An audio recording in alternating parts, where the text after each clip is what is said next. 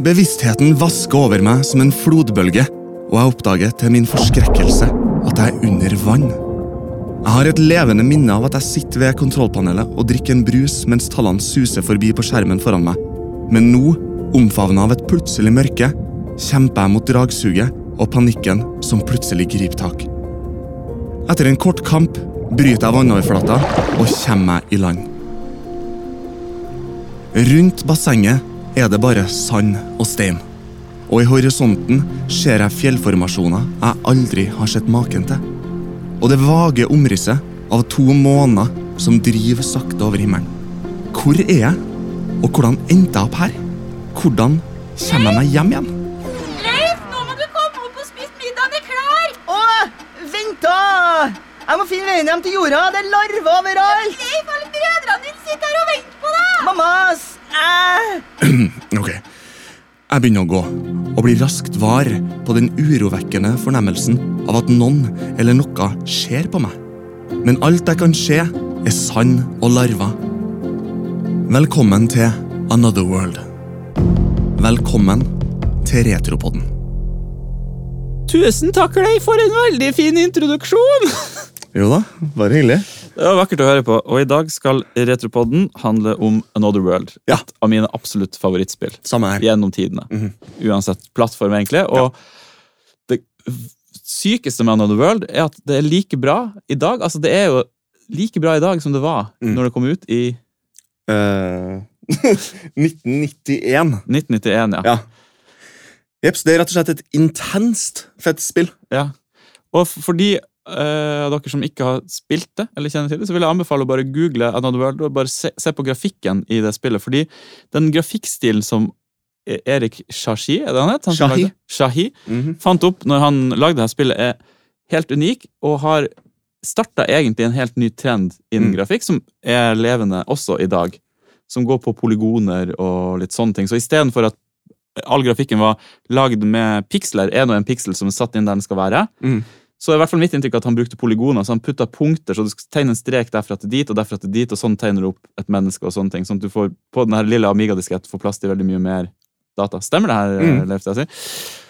Det stemmer ganske bra. Det, det han gjorde Jeg, jeg, har, jeg har ikke helt forstått det her. Det er mulig at du har, eh, har bedre tak på denne uh, teknologien, men han brukte Han laga et eget program, en egen editor, som han skrev i Basic, Mm. der han kunne tegne piksler som polygoner. Ja. Så han satt og pikselerte inn de små detaljene, Mm. men de, de tok form i koden som en polygon istedenfor et piksel. Ja. bitmap. Og det som er kult med polygoner, er at det kan scales opp og Mm. ned, og du kan få avstand, du kan få sånne ting. Og når du skal lage en ny versjon av spillet i HD, og sånne ting, i motsetning til Prins av Persia, som er helt sånn pikseltegna, som kom ut litt på den samme tida, og er litt, de er kanskje litt inspirert av hverandre. Eller jeg tror de ble lagd på to forskjellige i to forskjellige universer, men har litt av den samme ikke spill, Det er noe likt der, på en måte. Mm. Eh, som er pixelbasert, så er det her polygonbasert og har en helt annen stil, og en stil som ser moderne ut i dag også. Eh, og det er det at du kan tegne en strek fra punkt til punkt, og så bygger du opp universet ditt uh, på den måten, som vel gjør at du får plass til mer grafikk på de. Det kom på to disketter til Amigaen, så vidt jeg kan huske. Én. Én diskett, ja. Ja, det er ganske sikker. Og det er ganske utrolig at hele det spillet hadde plass på én diskett. Mm. Og det har kommet til mange andre plattformer òg. Mm. Vet du hvordan plattformen det kom på opprinnelig? Det kom på Amiga opprinnelig. Ja, så det var bare der. Ja. Og så blir det raskt porta til PC og Atari mm. ST. Og så videre etter det nesten alt mulig rart. Ja, For det lever enda i dag og Ja. kommer ut på nye plattformer. Og jeg spilte gjennom det nå nylig på Switchen, Mm, ja. og det gjorde du òg, Leif. Og Mm. eh, det var en veldig artig opplevelse. Å Mm. sitte og spille det. Switch er en av mine favorittspillkonsoller i dag. egentlig. Det er den jeg spiller mest på når jeg skal spille, og jeg elsker det når det kommer klassikere som jeg syns er gøy å spille på den. Så kjøper jeg de og sitter og spiller det der. Og Switchporten var kjempefin, men det som er rart med den, er at eh, jeg tror det kom i rundt år 2010, mulig litt tidligere, så mener jeg det kom en Windows-versjon av Another World. Mm. Og den hadde en upscala liksom HD-grafikk. Du kunne togle mellom hva- den grafikken som var, Mm. og en litt sånn HD-grafikk. Og akkurat i år 2010 på internett så var det veldig populært med sånne knapper som hadde en sånn dybde. Skjønner du hva jeg mener? At de hadde sånne knappene kom litt ut. Grafikken Mm. var veldig sånn grading. Mm. heter det, så alt liksom grada fra en farge til en annen, og det ga det dybde. Og det man kan se i denne versjonen, at det er også noe et offer for den tiden som oh, ja. den porten ble lagd i. Skjønner du hva jeg mener? For Ja. du skjønner du hva jeg mener? Den moderne Another World-versjonen ser egentlig ut som noe grafisk fra 2010. Okay. På en eller annen måte. Med gradinger og sånn skygger på. Det er liksom en annen måte å Ja. eh, å, å lage det på. Men eh, det er ikke noe stygg stil i det hele tatt, det. så det ser veldig pent ut. Mm. Men det er også overraskende når du togler, for på Switchen kan du togle mellom den moderne grafikken og grafikken akkurat sånn som den var på Amiga. Mm. Og det er overraskende likt. Mm. Og det er overraskende hvor fint egentlig den Amiga-grafikken egentlig ser ut. Det hadde egentlig Mm. ikke vært noe særlig poeng i å scale det opp Nei. på mange måter. Altså, så det er et spill som lever like godt i dag som det gjorde da det kom ut, og det er ikke mange spill man kan si det om. Man kan Nei. si det om mange spill, og det kan være gøy å spille det. Ja. Men det her er et spill som du kan gi til noen som ikke er kjent med deg i det hele tatt, og, og de kommer til å tenke at det her er et moderne spill, liksom, for hele Mm. spilldynamikken er moderne. Det er jo noe som vi har snakka om litt tidligere så Jeg husker ikke eh, Jo, eh, da vi hadde den episoden om eh, nye spill på gamle plattformer. At visuelt design i, i spill um, Når spillutvikling var sånn enmannsteam, var ikke noe som var i førersetet. Det var folk som satt og programmerte hovedsakelig Mm. som, eh, som designa grafikken. Men han Erik Chai han har et veldig, et veldig øye for visuelt design. Mm. Og det er han som har tegna alt i hele spillet. Ja. Og det er han som har tegna coveret, og det er han som har alt, eller designa alt i de senere spillene hans mm. også.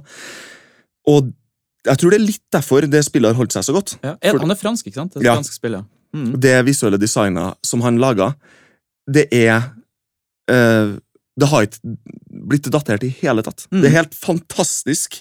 Den, den verdenen han har skapt, er helt Helt fantastisk, Ja, ja. virkelig. Så du kommer inn, spillet starter med en introvideo, som Mm. er helt unik, og har en også utrolig fin stil. Det er Mm. som en film, en kort film som varer i ett minutt, eller et eller annet sånt. Som, eh, som jeg har tenkt på mange ganger senere i livet mitt. Så dukker denne introvideoen opp forskjellige steder. Og det var blant annet i 2008, når CERN begynte med partikkelakseleratorgreiene sine, og vi begynte å se bilder av partikkelakseleratoren, begynte å tenke det her så mistenkelig kjent ut. Så gikk jeg tilbake og så på denne introvideoen til Anod Wolle, så skjønte jeg at det er det han jobber med. Han sitter her og jobber med en partikkelakselerator på CERN. Og det her er jo Frankrike, så han hadde vel sikkert noe Det var vel sikkert noe Sveits ikke det i nærheten av Frankrike? Det er ganske nærme. Ja. Um, så, så han, uh, introvideoen starter med en bil som kommer inn, Mm. altså han hovedpersonen vår. eh, En veldig ikonisk heisscene som er Mm. veldig kul, hvor han tar heisen ned, setter seg ned, åpner den colaboksen, Mm. sitter og ser på partikkelakseleratoren som begynner å spinne opp. Mm. Så slår det et lyn ned i bygget, og det blir da selvfølgelig for mye strøm eller et eller annet Mm. i hele greia. Det lynet manifesterer seg inni partikkelakseleratoren Ja, det det og følger det her serotonet. Med lydeffekt og pakka. Mm. Og det gjør at han her fyren blir kasta til another world. Ja. Et annet univers. Og, og våkner opp da, kommer da, dukker opp i vannet. Mm. Så må du skynde deg å svømme opp, før det er noen sånne tentakler som tar tak i deg. Mm. Kommer du opp, og så er det farer overalt. Ja, det er eh, Liten, eh, Mm. morsom eh, fun fact om den introen. Eh, I lys av det du sa i stad om, om eh, polygoner som er Mhm. veldig eh, effektivt sånn på minne og lagring, hvor stor tenker du at den introen er? Altså hvis I jeg, kilobyte? jeg ville ha tenkt at den du må ha en dis egen diskett for å kjøre introen. Så mange spill på Amigaen som hadde, hvis de først hadde en intro, sett inn disk 1, så får du først en intro, og så sett Mm. inn disk 2 for å begynne å spille. liksom. Mm. Jeg hadde tenkt at det var litt sånn, Mm. men jeg tipper det kommer et eh, overraskende resultat. Mm. Den er 84 kilobyte. Dæven! Det er faen meg helt utrolig. Det er helt utrolig. Det er helt sjukt. Fordi det betyr at øh, en Amiga-kassett var på 700. Han kunne ha lagd hvis det er ett minutt, han kunne ha lagd 880. En, 880. Han kunne ha lagd en nesten ti minutters film han, Mm. på én diskett. Altså, bare det hadde jo vært en, en artig kuriositet på Amiga, at du kunne faktisk ha lagd en kortfilm i den stilen der, Mm. som i aller høyeste grad hadde gitt mening. Um, så, så det er helt utrolig han har fått den inn på 84 kilobyte. Helt utrolig. Det som, er, det som jeg synes er interessant, som blir Mhm. tydelig med en gang i spillet, med en gang du kryper opp av, den, eh, av det bassenget, er at uh, narrativet foregår i flere plan. Ja. Historiefortellinga med en gang begynner i bakgrunnen. Mm. Når det her svære beistet dukker opp i bakgrunnen Mm. og ser på deg. Mm. Og det følger jo spillet hele veien også. Ja, og det er utrolig historiebasert. Altså Det Mm. forteller en historie. Spillmekanikken er lagd rundt det at jeg forteller deg en historie her. Mm. Og det er Noe som også har blitt veldig vanlig i ettertid. ja, og det uten, og det det her jeg syns er så utrolig med spillet. At, han har gjort noen geniale valg. Han har blant annet ikke brukt noe språk. Som Mm. gjør at vi som satt i Vadsø, ikke kunne nesten engelsk engang, kunne sitte og spille det her og skjønne hele historien. Mm. Fordi han var jo fransk sjøl og har sikkert Mm. spilt engelsk spill og har ikke skjønt noe av det. Så han, han tok jo et valg på det. Han har jo jobba på andre spill før, og det skulle vel egentlig være et point and click-spill. Ja, Ja. Det var eh, Dolphin ville Ja, at det skulle være det. jobba, mente Mm. at det skulle være det. Mens han bare nei, jeg lager noe annet, og lagde et helt spill som ikke har uh, en eneste tekstlinje Nei. på noe som helst språk i seg, men som for det forteller en historie som du skjønner så utrolig godt. Mm, Som du sier, du kommer opp, og så ser du en eh, løveaktig skikkelse i bakgrunnen, mm, som du da vil ha en interaksjon med Mm. senere. En ganske intens interaksjon med, med litt senere. Og når du kommer ferdig med det første nivået, så får du eh, møter du han andre karakteren i spillet, som er din venn. Som Mm. vi i Vadsø bare omtalte som han der er vennen vår. Og da kommer Mm. han vennen vår. Han Mm. Og på nettet så er det at han blir bare omtalt, for han fikk jo aldri noe navn, Nei. så han var bare venn. Så på denne planeten så bor det eh, mange slemme skapninger. Og den menneskerasen på en måte som er der, er ganske sånn klumpete, store Mm. folk. Og de lever i et slags kommunistisk velde. Jeg vet ikke helt hva det er for noe, men det er veldig mye krig og våpen og, eh, og ondskap. Men vi får da en venn. Vi blir sittende fast i et bur, for vi blir tatt til fange. Vi blir sittende i bur, og da sitter vi med en venn, og han er jo så god gutt, vet du. mhm. Han er så snill og fin, og vi Han er jo helten i, i fortellinga. ja, egentlig er det han som er helten i fortellinga. Egentlig er det han som er helten i fortellinga. Mm. Og vi får den historien hans fortalt når vi beveger oss rundt. Så ser vi han plutselig dukker opp andre steder, og av og til har vi en interaksjon med han der vi hjelper hverandre. Og sånne ting. Mm. Og så er ser du hele tida han. Eh, for det, det er også litt interessant. Når man kommer ut av fengselet, for man blir jo fanga av de her andre vesenene Når Mm. man kommer seg omsider ut av det fengselet, så skiller man vei med han vennen. Mm. Og på det tidspunktet i utviklinga, da hadde han Erik Chai brukt et år på å komme seg dit. Ja, riktig. Og man kan se det etter det, at det rent visuelt, det grafiske, blir mye enklere. Mm. Og det er fordi han innså at hvis jeg skal gjøre ferdig denne, det her spillet som jeg har ambisjoner om å gjøre ferdig, på den måten her, så bruker jeg to-tre år til på det. Ja. Det kan ikke jeg gjøre. Men da, da skiller de vei, og da har han Erik Chai fortalt at han umiddelbart følte et savn. Mm. Han merka at han vennen var borte, og så innså han at han vennen er viktig her. Mm. Det er viktig for meg som spiller å ha en kompanjong i denne dystre, dødelige verdenen. Mm. Og det er derfor han dukker opp igjen senere. Og det, det er på grunn av det at hele det her, at man ser han i bakgrunnen plutselig Mm. også uh, overkommer farer og flykter fra folk, og han kommer tilbake og hjelper deg. Mm. Det er på grunn av det savnet som Erik Chai følte. Ja. Så det var egentlig ikke en plan om at han skulle være med videre. Mm. Det er veldig interessant. Så han, Mm. han, fortalte, han lagde historien litt ettersom han Historia lagde ble til mens spillet For det er sant, fordi starten, du første, første scenen, Man kan nesten omtale spillet som scener som du Mm. går igjennom de forskjellige nivåene. For det er ikke noe klassiske nivåer. eller noe sånt. Og det er også en annen ting som er så deilig med spillet, at i 1991 så var spill så umulig vanskelig å klare. Mm. Helt umulig de aller fleste spill. Mens det her spillet var lagd for å fortelle deg historien, kjøre deg gjennom, og så klarer du det til slutt. Mm. Hvis du ikke bodde i Vadsø og hadde fått den der Amiga-versjonen som vi hadde der oppe, som alltid krasja, Å, på siste scenen når du mm, Du ender opp, uten å spoile for mye, da, så ender du opp i et slags romskip, på månen. Eller er det ikke et romskip, men en eller annen kapsul som står Det er en slags tanks, vil jeg si. Ja, En tanks er Ja. kanskje et nærmere. Og Amiga-versjonen som vi hadde i Vadsø, den klikka alltid før der. Ja. Og det har Jeg også, jeg har lasta ned sånne ADF, sånne Amiga Diskfile-filer seinere for å spille det her spillet igjen. I emulator. Det krasjer der. Så det er en piratversjon som har vært ute, som aldri kommer seg forbi Ja. det der nivået. Mm. Sånn at når jeg nå spilte det på Switchen igjen, så kommer jeg meg fort til det siste, fordi jeg har spilt det her så mange ganger. Jeg husker alle de små puzzlene og, og sånne ting. Men når jeg kommer til den der tanksen, så etter det så bare sto jeg fast. Fordi da ja. Alt det andre sitter liksom muskelminnet mitt, nesten. Ja. Mens etter det så er det ingenting jeg husker. ikke. Altså, jeg har jo spilt gjennom det senere tid der det ikke har krasja der, så jeg har jo vært gjennom det før. men jeg klarer ikke å huske det, så Da fikk jeg kjenne litt på frustrasjon over eh, For det begynner å bli ganske vanskelig på slutten òg. For det er jo en eskalerende vanskelighetskurve Mm. i hele spillet. Og på slutten ja, Jeg satt fast og ble egentlig litt sur på Mm. det spillet og tenkte faen, det her var litt vanskeligere enn jeg kunne huske. Men Ja. jeg kom gjennom det til slutt. Det føles digg når du klarer det. Ja, ikke sant? Eh, Det er også litt interessant at den versjonen som er på Switch, og den som var grunnlaget for den 15 år og vel, også en 25 års jubileumsversjon, som mm. er den du spiller på Windows med høy oppløsning, Um, begge dem så tror jeg grunnlaget er SNES-versjonen. Og den er vanskeligere enn Amiga-versjonen. Ah, ok. Fordi da Interplay, som fikk ansvar for å porte det til konsoller, Mm. da de eh, fikk eh, spillet i sine hender, så var det en del endringer de ville gjøre. Og det, det, er en, det er en litt morsom greie. De ville blant annet gjøre spillet lenger og vanskeligere. Mm. Erik Chai var ikke interessert i å gjøre det lenger. Og det skjønner jeg godt, Mm. fordi det er der. Det Fordi er, Da hadde du den klassiske tanken. Nei, det blir for enkelt, folk kommer ikke til å like det Ja. spillet, for de er for fort ferdig. Det er Mm. så dum tanke å ha. ja. At de hadde den på tida, for du kan heller spille igjen og igjen og igjen. Det er Mm. like gøy å Så det er jo veldig flaks da for oss eh, spillere i dag at Erik Chai sto så fast på kravene som han Mhm. gjorde. Og Han sa det er ikke aktuelt å gjøre spillet noe lenger. Skal ikke legge til noe som helst, eller ta bort noe som helst. mm.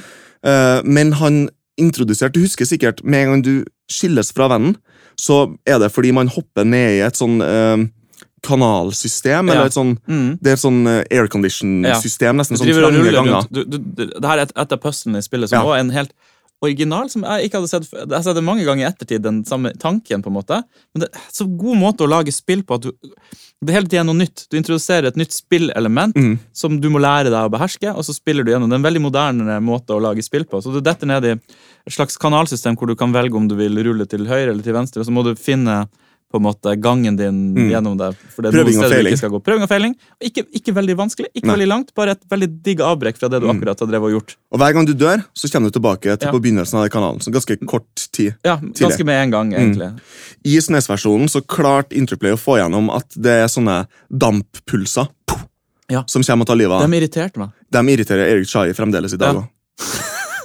Det Men det, det, det gikk han med på å ta med. Men det, det er det punktet også et par andre punkter i spillet, der hvor den er vanskeligere på Switch og på SNES og andre konsoller. Er det på slutten der også at det er verre? Altså, Når du skal springe fra de laserstrålene, og sånn, så er det lettere å dø, blant annet. For det er En ting som irriterte meg litt på Switch-versjonen, var alle oss som har spilt en del av World Mm. vet at den kjappeste måten å bevege seg fra A til B, det er å løpe hoppe. Mm. Det vil si at du løper bortover samtidig som du hopper. Da får du litt høyere tempo. Mm.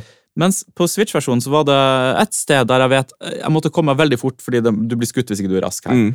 Fra A til B, så jeg driver og løper og hopper, men dør hver gang og skjønner Mm. ikke hva som skjer, før jeg bare får prøver å bare løpe uten hopp, og da klarte jeg det. Mm. Så det er liksom noen som har programmert inn et, Mm. at her skal du, denne scenen skal du bare løpe igjennom. Men med en gang du faktisk er raskere enn å løpe, for de som har programmert, har ikke skjønt at du kanskje er raskere når du løper eller interplay, hva det du kalte det. Interplay. Fucka det opp, så, så døde jeg. Så det var litt frustrerende. Det Mm. var ting som, for det var ganske polert, originalversjonen var egentlig ganske perfekt, altså. Ja, altså Vanskelighetsgraden i originalen er perfekt. Ja. Vanskelighetsgraden i uh, porten den er litt for høy. Mm. Uh, det er jeg helt enig i. En annen ting som de Men- ville endre Jeg bare sier til lytteren at den er absolutt verdt å spille. Altså, Ja, det er ikke så høyt at det er vanskelig. Nei, nei, nei. du har vært borti Og så og du- sammenlignet har en med- det og- Sammenlignet med de her nye de her vanskelighetsspillene, mm. sånn som eh, jeg husker ikke, det her middelalderspillet der man driver og dør hele tida. Hva heter det? Som er dritpopulært nå. Jeg har aldri spilt noen uh, nye. uh, det er sånn Vet jeg. det? Er kjent for at det er dritvanskelig. Du døver Ja. hele tida. Jeg kjenner ikke til det. Nei, ok. Det er sikkert noen som hører på, som Mm. vet akkurat hva vi prater om. Helt nytt spill. Det er mye vanskeligere. men nye spillene som er vanskelig, vanskelig, er mye vanskeligere. Ja, riktig. Eh, Det er ikke noe Og så det er ny tredje vanskelig å lage vanskelig Ja, ja, ja. spill. Okay. Meg. Det er en ting til på det her som Interplay Mm. prøvde å få skvisa gjennom, nemlig, som er litt interessant. Og det er de, de ville endre musikken i introen. Uh, hvorfor det? De, fordi det, det er jo en sånn stemningsmusikk der. Mhm. Det ligger nesten bare og droner noen sånne syntoner. Mm. Helt perfekt tone for den introen. Mm. Og Eric Chai hadde med seg én kompanjong når han laga det spillet, og det var han som laga musikken. Mm. Det er de, de to folkene. Ja, for det er jo ikonisk, den musikken. Ja, her er jo, den er helt perfekt.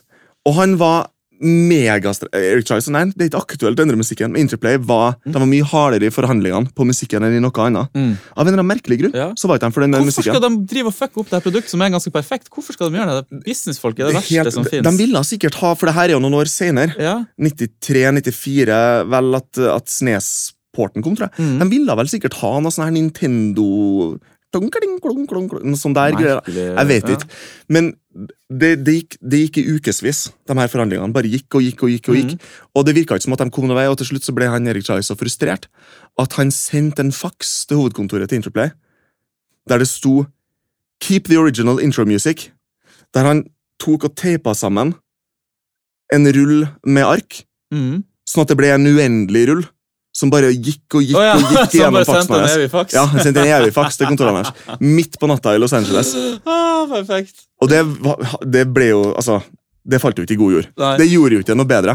Men så kom Dolphin, Mm. som var dem som ga det ut opprinnelig. De kom på banen til slutt Mm. og sa til Interplay bare glem det. Dere har ikke dere har ikke lov, dere har ikke rett til å kreve noe som helst. Mm. Hvis Erik Chai sier at det ikke skal være noe ny intromusikk, så blir det noe ny Jeg liker at han står på krava. Det er bra at man Ja. står på krava mot idiotiske forslag. Også veldig bra at Dolphin bare var sånn, de var helt bastant. Hvis Mm. dere vil ha det annerledes, så skaff dere et annet spill. liksom. Mm. Uh, og da ble det sånn som det ble. Det ble litt vanskeligere, men ingenting annet uh, er forandra. Ja. Og vi kan også bare si at Dolphin er jo også et av, de her, det er et av spillene, nei, selskapene som er på gode laget Ja. i spillutviklinga. Dolphin er det, ja. De er Ja. jo godguttene. De, de ga ut Another World, de ga ut Flashback Mm. noen år etterpå. De ga ut Cruise for a Corps, som er et helt fantastisk bra Jeg kjenner ikke til det. Mm. Kjempebra. Uh, det er et point and click adventure-spill, men også der det, det er et veldig originalt Mm. point and click adventure-spill som foregår i real time. Kjempekult. Det er et sånn mordmysteriumsspill. Mm. Og så ga de jo ut uh, uh, Future Wars, som er det spillet som Eric Chai jobba på før Another World, der han gjorde all grafikken. Ja. Uh, og et par andre sånne point and click adventure-spill som kom ut på Amigaen. Mm. Veldig, alt utelukkende bra. Ja. Bra Jeg kjenner Dolphin som et bra merke når det dukker Ja. opp der. Jeg husker det fra Flashback også, altså, Mm. som jo er på mange måter oppfølgeren til Another World.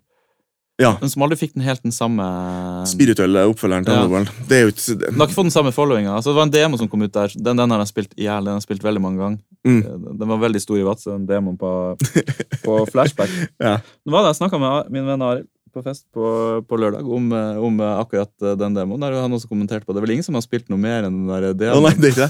Det var det eneste som kom også på Flashback. Ja, det var det. Hadde hele spillet kommet, så hadde vi sikkert uh, prøvd oss på det. Ja. Men uh, jeg tror demoen ble piratkopiert til og med rundt. For den Å, ja. Men det var, den er en veldig kul demo, da. Som har mye av samme Mye av de samme elementene i s- historiefortelling og sånn, har jeg inntrykk av. Som Den første verdenen i Flashback, den syns Mm. jeg er altså, Flashback er jo da en spirituell oppfølger til. Det ingen av dem som er folkene Erik Chai han var ikke involvert i Flashback. Mm. helt og Flashback fikk jo en ekte oppfølger Ja. noen år senere. Heter? Fade to Black. Kødder du med meg? Nei. Det digger jeg. Okay, Ja. Det vet jeg jo. Det her Oi, oi, oi. Det her, eh, nå kom jeg på det. Ja, Det, det, det tar opp handlinga i Flashback rett Ja. etter Flashback det er jo et veldig kult spill. I, Mm. Jeg var med i dataklubben i Vadsø i 96, eller et eller annet sånt, Mm. og da var det en slags konkurranse. Jeg er så dårlig å vinne konkurranser, så jeg vinner aldri noen konkurranse. i det Ok. hele tatt. Men av en eller annen grunn så vant jeg. Jeg tror det bare var sånn tilfeldig loddtrekning, og da vant jeg premien at jeg kunne velge ut et spill, og så fikk jeg det. Fra Ja. en eller annen katalog eller noe sånt. ting. Og så klarte jeg aldri å bestemme meg, for jeg hadde jo aldri spilt noe annet enn piratkopierte spill, så nå kunne jeg plutselig velge fra en sånn katalog over alle spillene. på en måte. Ja, ja. Og så klarte jeg bare ikke å bestemme meg for hva det var hadde lyst på. Så jeg husker jeg bare brukte veldig lang tid og utsatte å ta den her telefonen. Til slutt så begynte han å mase på meg fordi jeg måtte skynde meg litt å få bestilt. Og da så jeg bare på coveret, og så bestilte jeg det her eh, Fade to Black. Mm. Og det må ha vært til PC, kan det Mm. stemme? Til 2.6. Det, det må jeg jo ha i en big box-versjon et eller annet sted. da. 286 kunne nok antageligvis ikke det, tror jeg. Nei, vi hadde en Pentium. Ja, Pentium 75-en til Ja, broren. yes. Spilte sikkert bra. Yes, den spilte det bra. Ja. Jeg- den må jeg ha i big box-versjon. Det er jo et kult spill å ha i big box-versjon. Det er et veldig kult spill å ha i Big Box. Og det, Ja. den boksen er ganske kul, også, ikke? Jo, jeg mener å huske det, at jeg nok valgte det mye pga. boksen. Mm. For det var jo før man kunne lese anmeldelser, eller jeg hadde i hvert fall ikke noe sted å lese det. Og uh, det er artig du sier det, fordi det er den linken til Another World har ikke jeg tenkt så direkte på. Nei. Men den har litt den samme, litt den samme følelsen av Mm. måten den forteller historien. Selv om jeg vet ikke om Erik Shai var involvert i Ikke helt det. tatt. Nei, ikke helt det tatt, men den, den har noe av den samme følelsen, Mm. syns jeg. Og det er jo et 3D-spill på mange måter. En uh, Fade to Black, ja. Ja. Ikke, en, ikke Flashback. Nei, ikke Flashback. En, Nei. Fade to Black. Fade to Black, mm. Ja, et 3D-spill, og ganske tidlig 3D-spill hvor kontrollene da alltid er veldig knotete, men historiefortellinga veldig bra. Ja. Og det er det samme, det rare universet, som Mm. du ikke helt kjenner deg igjen i på en måte. Det, det er rart, og det er noe utrolig puzzles. Jeg klarte jo også å komme meg gjennom det spillet oh, ja. til slutt, faktisk. Det gjorde aldri jeg. Nei, Og det er veldig, fordi de siste betaene er plutselig jeg mener, Det er så vage minner, men du er ute plutselig. Ja. Og det er litt sånn ute, For du er mye inne. Du starter vel inne. etter sånt. Startet i et romskip. Ja, det er et romskip. Og så, et, akkurat som du er ute og går, sånn som jeg husker, og du er liksom på en planet, og okay. litt sånn Her er mulig det er feberfantasier og drømmer som eh, blander seg inn i virkeligheten her, men uh, et veldig kult spill som jeg nesten har glemt at Mm. uh, eksisterte. Det gjorde nok ikke like mye inntrykk som Man of the World, da, i og med at det har forsvunnet. Men det var også en tid hvor Doom eksisterte, ikke sant? Ja. Så, mm. både Flashback og Fade to Black er ganske kule spill. Flashback eh, Den første verdenen i Flashback, Mm. når man våkner opp på den her jungelplaneten, det syns jeg det er, en, det er på en måte en verdig arvtaker, føler jeg. ja. Den første verden, Men det soses fort bort. Det Flashback-spillet, jeg. Det Mm. Ja. blir, du møter noen karakterer, altså, noen dialoger, noe dialog og noen sånn keikete um, uh, sånn plattformelementer. Det, det blir litt sånn teit. Ja. Mens Another World er bare et supertight uh, sånn Hva heter det for noe sånn um, sin, de, Cinematic, sier de på engelsk. Ja. Hva det er på norsk. Filmatisk. Ja, Det er bare virkelig en, en ekstremt effektiv og tight historie. Ja, det er det. En filmatisk måte å fortelle historie på som i hvert fall ikke jeg har sett bli gjort før det, Nei. og har blitt gjort litt de siste eh, årene. Ja, det, det hele det her Uncharted-greia. ja, det er egentlig det, ja. Ja. Etter, etter sånne Tenk deg han skapte på mange måter en ny det, det originale, på en måte, den ideen. Det er noe helt annet mm, enn tanken som var gjort. Det var ingen som tenkte de tankene Spill en før. actionfilm. Ja, Spill en actionfilm, liksom. Det tok jo, det tok jo virkelig 15-20 år før noen andre klarte Mm. å gjøre det samme. Mm. Det, Det, jo mer vi snakker om det, jo mer kommer jeg på hvor genialt det er å gjøre det uten språk. Og fortelle det visuelt. Hele historien. Og gjøre det helt alene. Ja. Og han var 20, tror jeg. 21, 22, han, altså en ung fyr. Satt og programmerte det der i Assembly. Mm. Og han programmerte ikke bare den polygon-editoren sin, men også eh,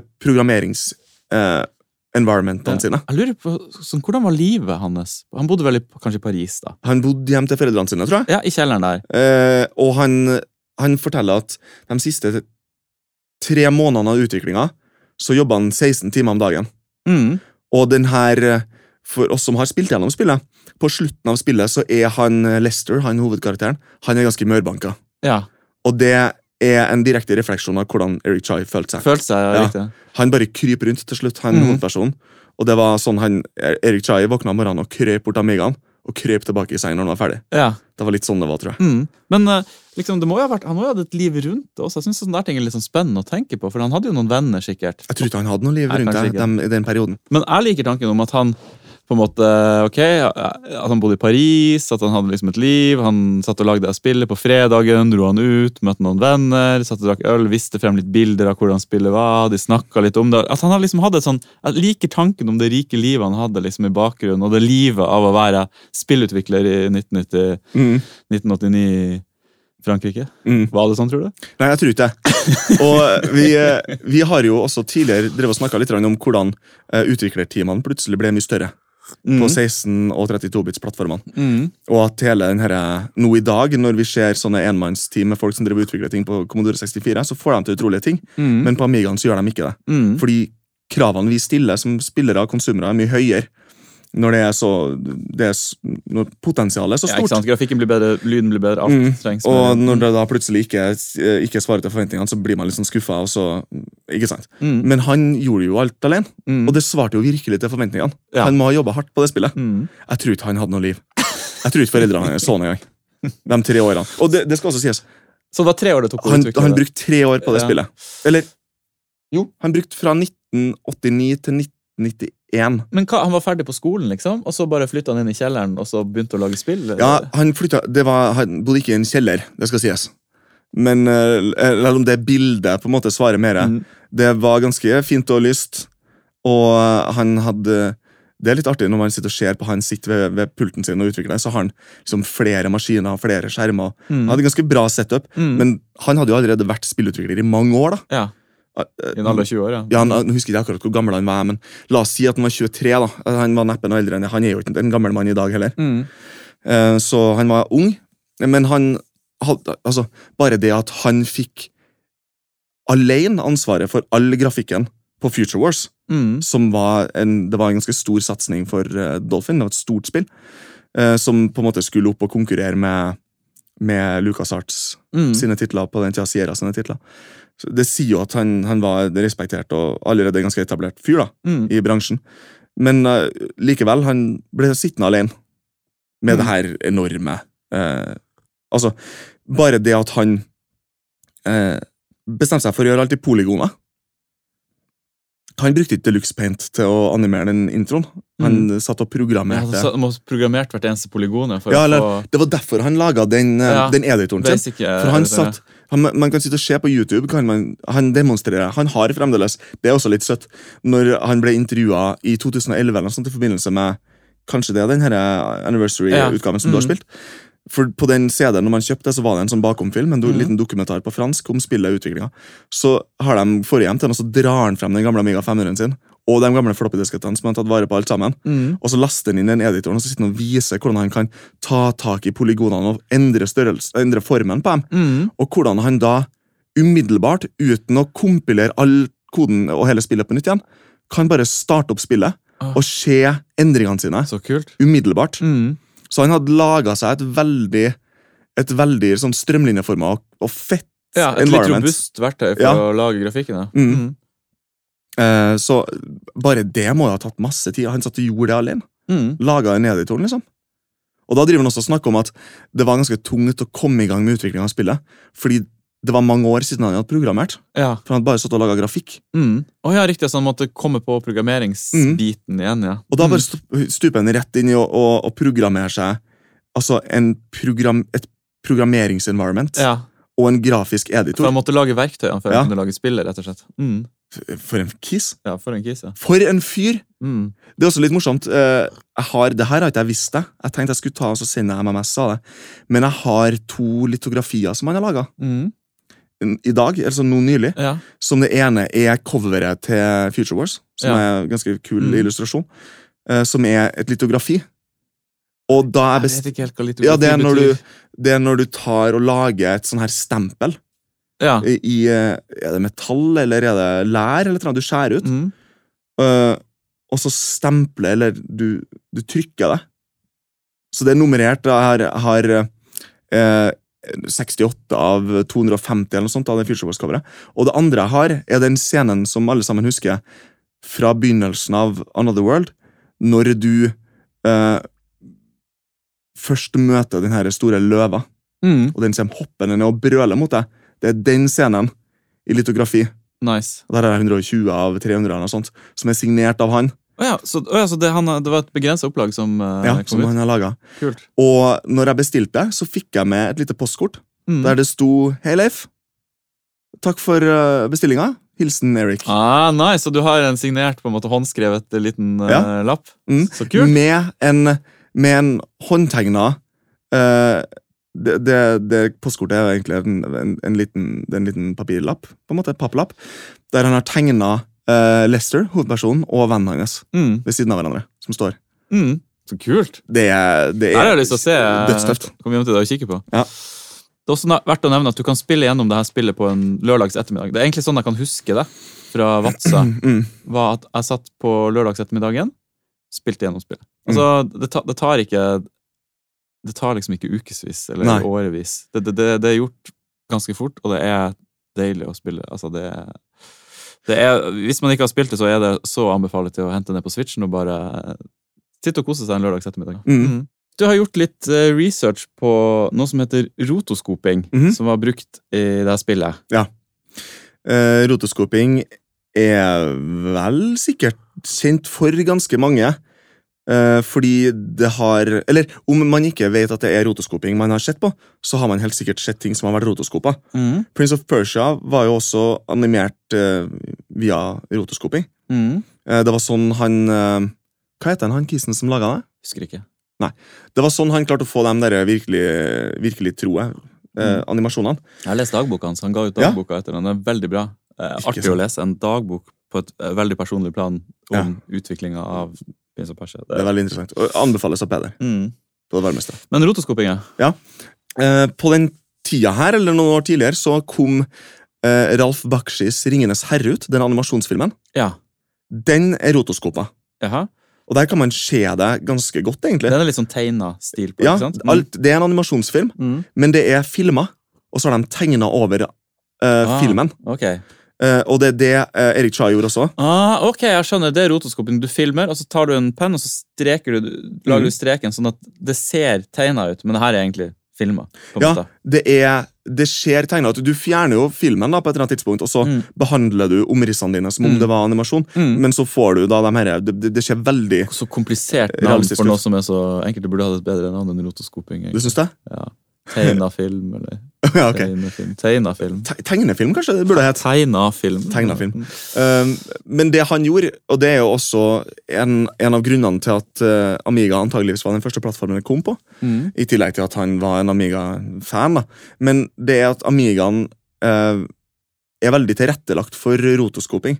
Fordi det kom jo ut noe som heter Genlocks på Amiga, Mm. som gjorde at det var veldig enkelt å koble til et videokamera rett til Amigaen Mm. og få opp eh, strømmen fra videokamera på skjermen Ah, bak Amiga-grafikken. Det kunne jeg tenkt meg å sett, fordi det det var, ikke, det var langt, langt langt opp på 90-tallet at jeg noen gang så noe levende bilde på noe som helst okay. for datamaskin. Jeg husker det var en som hadde sånn skjerm En av oss som hadde sånn um, TV-kort til PC-en, så han Mm. kunne få TV. Skjønner du hva jeg mener? Så du Ja. kunne sitte der og jobbe på PC-en, og så hadde du liksom en liten vindu med TV som gikk. Og Mm. Det synes jeg var helt utrolig, for jeg hadde sett levende bilder på en maskin. Men det var da mulig på en måte Det var easy-peasy på Amiga. Ja. Nei, det Da jeg gikk på, jeg gikk på Agder folkehøgskole, på, på jazzlinja der, de hadde filmlinje. Og jeg endte opp med å kjøpe Amiga 2000, som de hadde brukt til filmredigering Mhm. før. De hadde en Amiga 2000 med Der kjøpte en, så fikk jeg med noen genlocks og sånn. Og de Hva hadde er en genlock? Det er En genlock er Det er en ekstern dings som ser ut som et lite miksebord, egentlig. Mm. Som du kan, eller noen av dem gjorde det. Noe, de, de så forskjellige ut, alle sammen. Noen hadde bare små brytere. Men du kunne koble til eh, andre videosourcer og få det feeda inn i Amigaen. Mm. Um, og så kunne du legge på Amiga-grafikk oppå, så kunne du feede det ut av Amigaen igjen mm. og printe det til en videokassett. Mm. Oh, riktig, såpass, ja. Ja, så det er jo litt av grunnen til at Amigaen ble så populær, var jo fordi den var veldig egnet for videoredigering. Ja, fordi jeg vet jo Babylon 5-grafikken var jo lagd på Amiga, var det ikke det? Eller Ja, de det alltid var- sa Amiga 4000 som Ja, med, med video Det gjorde oss alltid Toaster. veldig veldig stolt i at når vi satt og så på det og tenkte at en Amiga som har lagd grafikken. Jeg tror det er pilotepisoden, bare. Ja, faen. Jeg har alltid tenkt at det var hele, men ja. Uh, men uh, det var veldig mange uh, sånne uavhengige TV-stasjoner i USA Mm. som kjøpte Amiga videosystemer Mm. med videotoaster, som var en sånn her, et sånn uh, Zorro-kort, à la grafikkort i dag, som du kunne koble til. Og, og så hadde du da i prinsippet for 50 000 kroner en profesjonell uh, Altså en TV-stasjon i en Amiga Mm. som ville ha kosta mange millioner Ja. dollar. For da kunne du du få sånn grafikk som tickers som gikk over, liksom, og Ja, ja. Du- breaking news og ja. Jeg har jo sett folk som snakker om uh, når de Her er gamle TV-folk, da. De kjøpte til de her uavhengige TV-stasjonene så kjøpte de sånne eh, eksterne eh, moduler som de feeda videosignalet inn i, som bare gjorde at de kunne fade fra et signal til et annet, et, Mm. som kosta 50 000 dollar. ja, riktig, så var det ekstremt dyrt Ja. med video. Og Amigaen gjorde alt det i software. Ja. Det var ikke noe problem i hele tatt. Mm. Så det ble, det ble veldig populært. da. Og det eh, brukte Erik Chai en sånn her genlock for å få Så han filma seg sjøl gå, og så kobla han videokameraet til genlocken og fikk det inn på skjermen. Og så satt han da og tweaka polygoner frame mm. for, for frame for å få animasjonene til å bli så uh, naturlig som mulig. Mm. Og det var sånn han klarte å få til uh, alle animasjonene i spillet, og Ja, introen også også. alle karakterene som beveger seg. Og, ja, så Alt er liksom filma og så rotoskopa. da. Mm. Mye av det er det. Ja. Når Ferrarien Ja. Kjører inn, så er det en lekebil som han har trilla mot Ah, eh, kamera. Har han original opptak? Ja. det? Så kult, fordi det her er jo Rotoskoping er, er jo mest kjent fra Prince of Persia, tror jeg. Eller i hvert fall Mm. i, Når jeg vokste opp, så var det alltid det man snakket om, at der hadde han filma broren sin. Det var en historie som hadde kommet seg opp. Eh, som, um, som ble gjenfortalt mange ganger, og som også ble bekrefta når jeg leste dagboka hans. At han, prins of Persia-karakteren er lillebroren til han som lagde spillet. Mm, det tror jeg på. ja, så han filma at han drev og hoppa rundt og, og ting og tang. Og det er de bevegelsene man, man da Mm. ser i spillet. Fordi Prince of Persia, når det kom ut, så var det jo Fikk jo terningkast seks overalt fordi bevegelsene var så ekte. Mm. Det var liksom, det så helt ekte ut, og det var vel første gangen det skjedde. da. Mm. Mens eh, Kom Prince of Persia før uh, Ja, det kom ganske mange år før. jeg. Ja. Det husker jeg faktisk da jeg spilte Prince of Persia for første gang på 90-tallet også. Mm. Etter å ha spilt Another World, antageligvis, at jeg syns det så veldig bra ut. Ja. For det også har en, et, et ganske godt visuelt design. det det, er veldig cleant og Mer fint. pikselert, da, men, Mm, men definitivt. Men et Clint, jeg tror, jeg mener at jeg leste i dagboka til Altså Dagboka til han som lagde Prince om Persia, er veldig interessant å lese. Mm. Veldig personlig og veldig gøy. Og det er en artig reise fra at han begynte å lage det spillet, og veldig mye usikkerhet rundt om han noen gang kom til å klare det, om det var noe vits å lage spill, og er spill det man skal drive på med, liksom, og, og alle de her spørsmålene, til at han faktisk klarer å lage spillet, det kommer ut, det er ikke så mange som bryr seg når det kommer ut, Mm. det var ikke så mye som skjedde, og så sakte men sikkert så så, så, så finner folk ut av det. Piratkopierer vel rundt, og det, det går landet rundt. og så etter hvert, Han begynner å vinne priser på det. det får mer, han Plutselig begynner han å få sånne royalties checks i posten som Mm. blir større og større. Det er så artig å lese den historien om at du plutselig du går fra å sitte på rommet der og være fattig til at du plutselig bare blir rikere og rikere, og dagboka den endrer veldig karakter, måten han skriver på, fordi han får på en måte andre problemer enn det han på en måte hadde før. da. Og da mener jeg at han er i Frankrike og mottar en pris for Prins av Persia, og da møter Erik Shai Mm. og syns at det er veldig stort. Ja. Jeg tror han var stor fan av Another World. ja, ok. Mm. Det er litt kult. Jeg lurer på om De hadde De hadde sikkert ikke samme publisher, hadde de det? Nei. Jordan Mechner, Er han, er- det er han eh, Prince of ja. Persia-fyren. Mm. Det- Prince of Persia ble gitt ut av Brøderbound. Stemmer det. Mm. Mm. Som lagde Wings of Fury, også, som er et fantastisk spill. Ja, synes jeg. stemmer det. Mm. Mm. Eh, så rotoskoping. Ja, Mm. altså det, bare i lys av det som du sier da, med at han, Jordan Mechner da, eh, filma lillebroren sin. Erik Chai, da, som den remitten han var i denne perioden, her, filma seg sjøl. Ja, Ja, han var helt alene. han gjorde alt sjøl. Ja. Så når man, når man får se de her eh, gamle videoene hans, så er det han da som får taste rundt, og så går han bort til kameraet og så tweaker han litt på Mm. Og så er det også da en scene der hvor det, For man finner et våpen, man finner en pistol etter hvert, Ja. der hvor han har filma at han plukker opp den pistolen fra gulvet. Mm. Ah, at det, at det er hans bevegelse. Det- For det er han veldig fin, for det er en sånn cutscene som Mm. kommer inn der den blir plukket opp, som er veldig fin. Det er kjempe, Mm. kjempefint. Og når man ser det Han tok mange takes av det. Ja. Fordi han, det, det skulle ligge helt riktig. Det skulle mm. skje helt riktig. Altså, det bare Det, det, det tydeliggjør veldig hans ekstreme fokus på visuelt design. Mm. At til og med en sånn bitte liten detalj var Mm. kjempeviktig. Men den ser veldig, den ikoniske ikonisk, den scenen. Den Ja. ser veldig riktig ut. Pistolen ligger på riktig sånn tilforlatelig på skrå. Bare, Mm. Det er noen som har mista den, egentlig. Så han plukker opp en mista pistol. Um, og det, det ser veldig riktig ut. Jeg vet jo at det er vanskelig å få sånn håndmodell. Det er vanskelig å få de her tingene egentlig riktig når du, Mm. når du først skal, skal bare filme det. Så han klarte det. Mm.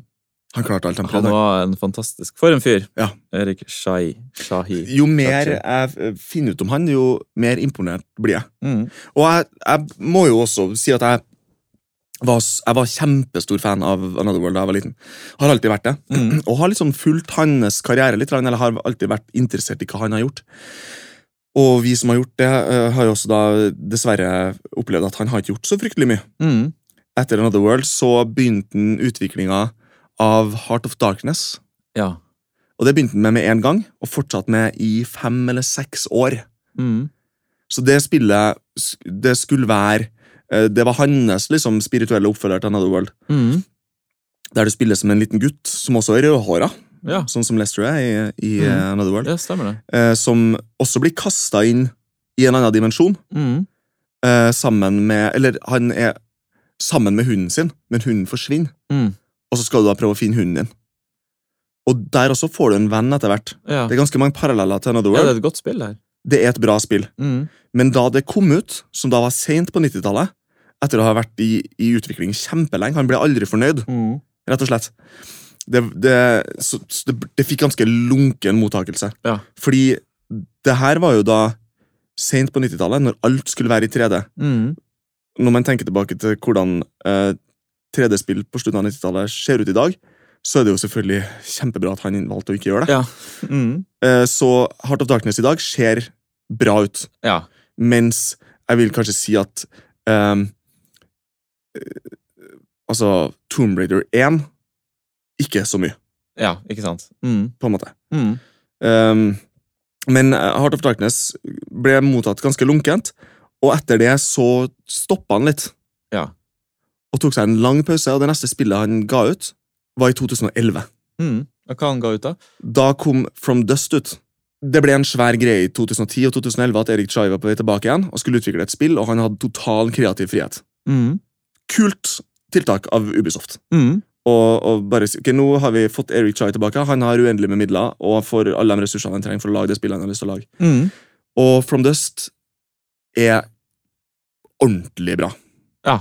Men det er et helt annet type spill. Det er en sånn gudesimulator Mm. som ligner kanskje mer på uh, Populous Ja. enn det gjør på Å, riktig. Another World. Og, og Erik Chai sitt fingeravtrykk er overalt i det mm. spillet. Han har igjen Det visuelle designet er helt fantastisk. Fikk deg gode anmeldelser når det kom Ja, ut? Ja, det ble ganske varmt mottatt. Og det solgte ganske bra. Mm. Og det ble Det var en liten periode snakk om at det skulle bli en franchise og sånn. Og at det skulle komme, komme expansions, men det gjorde aldri det. Mm. Og jeg mistenker, det her er, ba, det her er utelukkende min mistanke, men det ble ganske mye oppstyr rundt kopibeskyttelsen på det spillet. Sånn som Ubisoft drev på på den tida. På PC, da det endelig kom en port til PC, som var en ganske krøplete og heslig port, Mm. uten noe mulighet for å endre Hvordan oppløsning. plattform eller- kom du på opprinnelig? Kom på Xbox og Mm. Xbox 360 og PlayStation 3 og sånn. Det var en Fins konsoll. det til Switch og sånn? i- Nei. Um, men det, det ble varmt mottatt på de plattformene. Men når PC-porten kom, så ble det ganske Det fikk ganske mye hat. Mm. Og jeg tror også, når det vi vet om Erik Chai, at han antageligvis ikke hadde så mye input på den PC-porten, Mm. og antageligvis ble ganske skuffa over hvordan det ble håndtert. Mm. Det er min mistanke. Ja. At han forlot uh, franchisen, Ja. og at det da ble lagt dødt. Mm. Jeg tror det var det som skjedde. Vet vi om han jobber på noen nye spill i dag? Han gjør det i dag. Ja. Han har starta opp et selskap som eh, driver med litt sånn VR-ting, og det kommer et PlayStation 4-spill. Ja. Som også igjen ser ganske fett ut, Mm. og som har veldig mye av det her Erik Chai-magien. Mm. Eh, men From Dust også, jeg, jeg vil anbefale det Mm. på det aller varmeste. Det er et kult spill som forteller en interessant historie med eh, veldig Det er veldig finurlige puzzles. Spillet går ut på å, å manipulere eh, naturen. Du kan, du kan konstruere vann og stein Mm. og lava. Du kan forme eh, Du kan forme omgivelsene til eh, en bunch med små folk, som da opererer uavhengig av deg. Mm. Så du skal få dem fra A til B, på en måte. Skjønner. Litt sånn som Lemmings, kanskje, Ja. men det er, det er mye mer sånn her Det er mye mer magisk og, Det høres veldig interessant ut. Nå kan du PlayStation 3 eller Xbox 360 Du kan spille på PC. Heldigvis. Mm. Det høres veldig bra ut. Jeg skal sjekke det ut. Ja, jeg tror faktisk at Ubisoft, etter, etter ekstremt mye hat, fjerna den kopibeskyttelsen, sånn som de gjorde i Settler 7, som Mhm. var et av mine favorittspill. Altså, Settler 7 er et av mine favorittspill de siste 15 årene, tror jeg. Ja. Det var helt umulig å spille med mindre du var alltid pålogga. Mm. Og serverne deres konka hele tida. Ja, så fikk ikke lov sånn. Nei, nei. Mm. Men de, de patcha det til slutt, etter liksom fire år på Mm. markedet. så patcha de ut den kopibeskyttelsen. Mm. Ubisoft holder på sånn fremdeles med, med de her um, eh, Assassin's Creed-spillene sine. Ja. Nei, altså bare Mm. til helvete med Ubisoft. Det var det vi hadde på Retropodden i dag. Takk for at du har hørt på. Du finner oss på Retropodden på Facebook, og så kan du sende oss e-pod- e-post e-pod på retropodden at gmail.com. Og gjør gjerne det. Mm. Eh, fordi jeg og Peder også syns det er veldig artig når, eh, når lyttere Bare en liten kommentar er fint. Ja, Um, engasjerer seg litt mm. ja. Og nå har vi også da for et par uker siden fått en liten korreks fra en lytter på Soundcloud. Mm. Og det, det må vi jo ta tak i, fordi det er alltid fint å få vite sannheten. Mm. Så når vi sitter og mumler oss igjennom noe sånne her Det er mye tull. halvinformert sier. ja, ja, ja. Det, altså, det skal jo sies, Da vi satt og diskuterte her, så innså vi begge to at vi var litt ute på tynn is. Mm. Det her var da i forbindelse med uh, sånne lydchipper på Commodore 64, OPL og Soundblaster AV. Mm. Som strengt tatt er ting som vi burde vite, som lydinteresserte, musikkinteresserte folk. Mm. Men da jeg tror vel Det var vel mest meg, så jeg får ta selvkritikk på det. Du hadde litt bedre kål på det grann her. Ja. Um, men det er da eh, bruker Viseri på SoundCloud, som skriver OPL2 og OPLT3 fra Adlib og samlaster, er FM-synthesizere. Ja, for du vil snakke om at jeg trodde det var sample-basert. ja. Mm. Uh, FM-syntese, da, altså. Uh, de her er ikke sample-basert. Mm. Uh, fra og med samlaster AV32 så gikk de over på sample-basert midi. Mm. Først kommersielle, suksessfulle Første kommersielt suksessfulle sample-baserte lydkort for PC var vel Gravis Ultrasound. Riktig, ja. Mm. Så tusen takk for, eh, for det. Takk eh, for vi at du retta oss opp. og Ja. det... Det setter vi stor pris på. Mm. Så da vet vi det, og da vet lytterne det også. Hvis det var noen som eh, tok det som det her som vi lirer av oss, som god fisk, Mm. så vet vi Det må at eh, ingen på noen helst måte gjøre. Noen gang. Nei, så det her, det her er da antageligvis Jeg har ikke dobbeltsjekka Mm. Nei, men det høres veldig sant ut. det, Altså, det, altså, det høres- er tillitvekkende, Ja. ordlagt og alt mulig. Det det. Så vi bare antar at det er sant. Mm. Mm. Tusen takk. Og neste episode, om to uker, skal handle om VHS. Hvis eh, du har noen historier eller små anekdoter eller tanker rundt temaet, så send oss en e-post eller sleng oss en kommentar.